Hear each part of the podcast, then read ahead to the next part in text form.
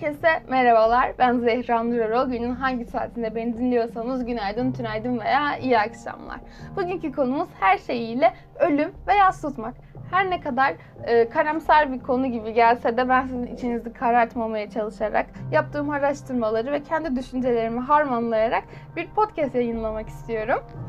Ee, ölüm ve insanların ölüme bakış açısı aslında binlerce yıldır değişiyor ama asla konudan konuya karşı olunan merak asla değişmiyor. Mer- merak gerçekten insanoğlunun binlerce yıldır içinde olan bir his. Önce araştırmalara başlamadan size antik dönemde insanların ölüm ve ölümden sonra ile alakalı neler düşündüğünü anlatan bir yazı okumak istiyorum. O zaman başlayalım. Antik dönemde ölenlerin ağızlarına alt ve üst çene arasında bir para yerleştirilir. Ve öyle lahit içi ve mezar yapılarına konulurlardı. Hatta mezar soyguncuları bir mezarı talan ettiklerinde hiçbir şey bulamazlarsa ölüye ait bu parayı çalarlardı. Elbette bu Yunan mitolojisindeki bir inanışın sonucu. İsterseniz bu inanışın nedenlerini birlikte anlamaya çalışalım. Yunan mitolojisinde ölüler ülkesi Hades'te Arkadia bölgesinde bir nehir var. İsmi Styx Nehri. Hades denilen ölüler ülkesinin çevresinde bu nehir dolanıyor. Nehrin suları 200 metre yükseklikten dökülüyor. Ama suları çok soğuk ve zaten bu yüzden öldürücü sayılıyor. Ölen kişinin ruhu nehrin yanına geliyor. Nehrin kıyısında Kahoran isimli iskelet bir kayıkçı var. Ölen kişinin ruhu nehrin kıyısında Kahoran isimli bir kayıkçı tarafından nehrin karşı kıyısına yani Hades ülkesine geçiriliyor. Ama karşıya geçmek yani Hades'e ulaşmak için kayıkçıya yani Kahoran'a mutlaka rüşvet vermek gerekiyor. Rüşvet vermezse uzun süre nehrin kıyısında bekler ve ruhu ruhu rahata kavuşmaz. Hatta nehrin karşı kıyısına geçemez ise ölenin ruhu sonsuza dek nehrin kıyılarında dolaşmak zorunda kalır. Özellikle öldükten sonra cenaze törenleri yapılmayanların karşı kıyıya geçemedikleri söylenir. Peki karşı kıyıda ne var? Daha önce söylediğim gibi Hades ülkesi yani El Elysium bahçeleri ve Tartaros var. İnsanlar buraya ulaştıklarında ruhları huzura kavuşuyor ve yeniden dünyaya gelene kadar burada huzur içinde bekliyorlar.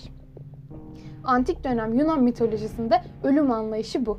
Elbette bir efsane, söylenti ama unutmayın ki bir dönem yani yüzlerce yıl insanlar buna inanmışlar. Hatta İstanbul Edirne Kapı'da bulunan Kahora Manastırı yani Kariye Camisi yani Bizans döneminin en önemli manastır kilisesinde Tonoz'da cehennem ırmağı Styx resmedilmiş. Ancak koyu kırmızı renkte.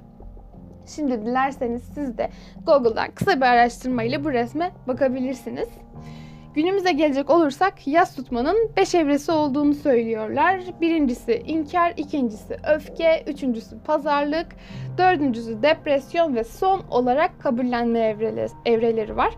Ben kendi gözlemlediğim kadarıyla yas yaşayan insanlarda bu 5 evreyi de gözlemledim. Yani ben doğru olduğunu söyleyebilirim. Eğer siz de öyle olduğunu düşünüyorsanız e, zaten fark etmişsinizdir. Şimdi öncelikle ben yaz tutmayla alakalı insanların aslında e, kendisine üzüldüğünü fark ettikten sonra biraz daha algılarım değişti. Bunu aslında Fransızca çalışırken fark ettim. Şimdi ne alaka diyeceksiniz ama hemen açıklayacağım. E, Fransızca'da tu me manque yani Türkçesi seni özledim diye bir cümle kalıbı var. E, aslında e, Türkçesi seni özledim ama Fransızca bir kelime olarak incelediğimizde tam olarak öyle değil yani çevirisi. Fransızca bilmeyenler için hemen açıklayayım. Tu me manke yani tu sen me bana manke yoksulluk. Yani aslında cümlenin çevirisi şu. Sen bana yoksun. Yani sen bana eksiksin. Yani ben kendimi o kadar çok dünyanın ortasına, merkezine koymuşum ki diyorum ki sana sen bana yoksun diyorum. Sen bana eksiksin. Yani bu cümleyi fark ettikten sonra düşüncelerim de birazcık oturdu ve fark ettim ki insanlar aslında birini kaybettiğinde o kişiye üzülmüyorlar. O kişinin nereye gittiğini, ne yaptığını merak ettiklerinden dolayı yas tutmuyorlar, üzülmüyorlar. Tamamen insan yas tutarken aslında kendisine üzülüyor. Ben bir daha onu göremeyeceğim yaşadığım zaman. Ben onun eksikliğini çekeceğim ve asla buna dair yapabileceğim bir şey yok. Yani o kişi bana yok artık. O kişi bana eksik. Hemen Nietzsche'den bir alıntı yaparak devam ediyorum. Nietzsche'nin insanca pek insanca bir kitabında bir sözü var. İnsanın en büyük suçu doğurulmuş olmasıdır. O kadar doğru ki yani sanki e, özet gibi bir şey bu bu söz. Yani eğer doğmasaydım benim hiçbir e, günahımda, sevabımda hiçbir şeyim olmayacaktı. İnsanın en büyük suçu doğrulmuş olmasıdır. Yani eğer ben doğmasaydım öldüğümde de arkamdaki insanlara tutacak bir yas bırakmazdım. Şimdi size bu yasla alakalı okuduğum başka bir şeyden bahset, bahsetmek istiyorum. Psikolog Tülay Kök'ten daha önce bahsetmiştim bir podcastimde. Kendisi çok çok çok sevdiğim bir psikolog. Videolarını, kitaplarını, her şeyini çok seviyorum. Ee, kendisi kitabında yasla alakalı, e, psikolojik ilk yardım kitabında yasla alakalı bir bölümü vardı ve e, bir tane danışanı, 20 yaşında bir danışanı kız e, bir gün babasını kaybediyor ve e, Tülay Kök cenazeye gidiyor. Ondan sonra insanlar e, ona diyorlar ki hani siz bir yardım edebilir misiniz? Hani bir, sonuçta psikologsunuz işte bir şeyler yapabilir misiniz? Kız e, ağlıyor ve diyorlar ki hani buna bir hani sakinleştirici verelim. Cenaze kalkacak, defnedilecek ama hani kızın hali o kadar kötü ki, o kadar üzgün ki o cenazeyi görecek hal, o defnedecek o hal kesinlikle yok. Hani bir şekilde onu sakinleştirip hani uyutmak gerekiyor diye insanlar düşünüyor. Ama e, psikolog Tülay Kök kızın yanına gidiyor ve diyor ki kızın adı işte unuttum ne olduğunu. Ayşe diyelim biz ona. Ayşe şu an yaşaman gereken bir şey var baban defnedilecek ve senin bu dünyada baban için yapabileceğin en iyi ve en son şey bu. Onu defnetmek. Artık yapabileceğin bir şey var. Bunu kabul et. Bu acıyla yüzleş. Şimdi hep beraber cenazeyi defnedeceğiz.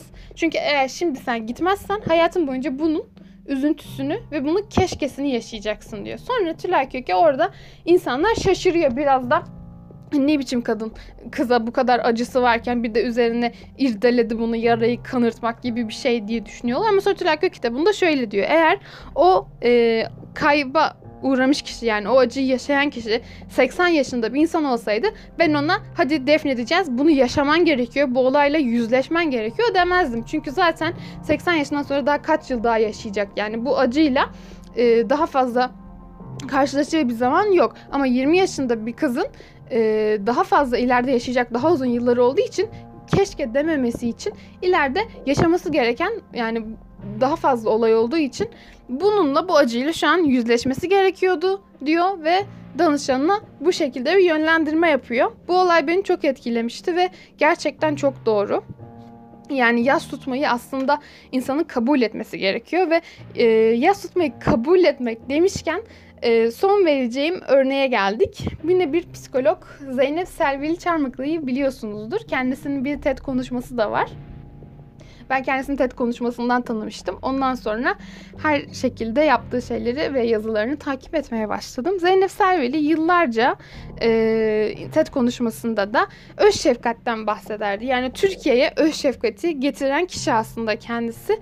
Öz şefkatli farkındalık eğitmeni Türkiye'nin ilk e, eğitmeni öz şefkatli farkındalık adına çalışmaları var. Ve Zeynep Selvili şöyle söylüyordu. Bir acıyla yüzleştiğiniz zaman sanki kendinize bir yukarıdan üçüncü şahıs gibi bakıp kendinizi küçük, şefkate muhtaç bir çocuk gibi düşünün ve kendinizi elinizi kalbinize koyun ve kendinize şefkat gösterin. Yani öz şefkat denilen şey bu. Kendinizi e, küçük bir çocuk gibi bir acı anında, bir yas anında, bir kayıp anında kendinizi bir çocuk gibi görüp elinizi kalbine koyup seni anlıyorum, seni hissediyorum. Şu an üzgünsün diyor diyor dememiz gerektiğini söylüyor. Ama son günlerde Zeynep Selvi'nin yeni bir yazısını okudum. Zeynep Selvi'nin şu an babası hasta. Sanırım kanser hastası. Ve dördüncü evrede olması lazım. Yani bayağı ilerlemiş bir hastalığı var. Kendisine şifa diliyorum. Ee, en son yazısında şöyle bir şey söylüyor. Diyor ki ben yıllarca insanlara şefkatten ve e, kendimize şefkat göstermekten bahsettim.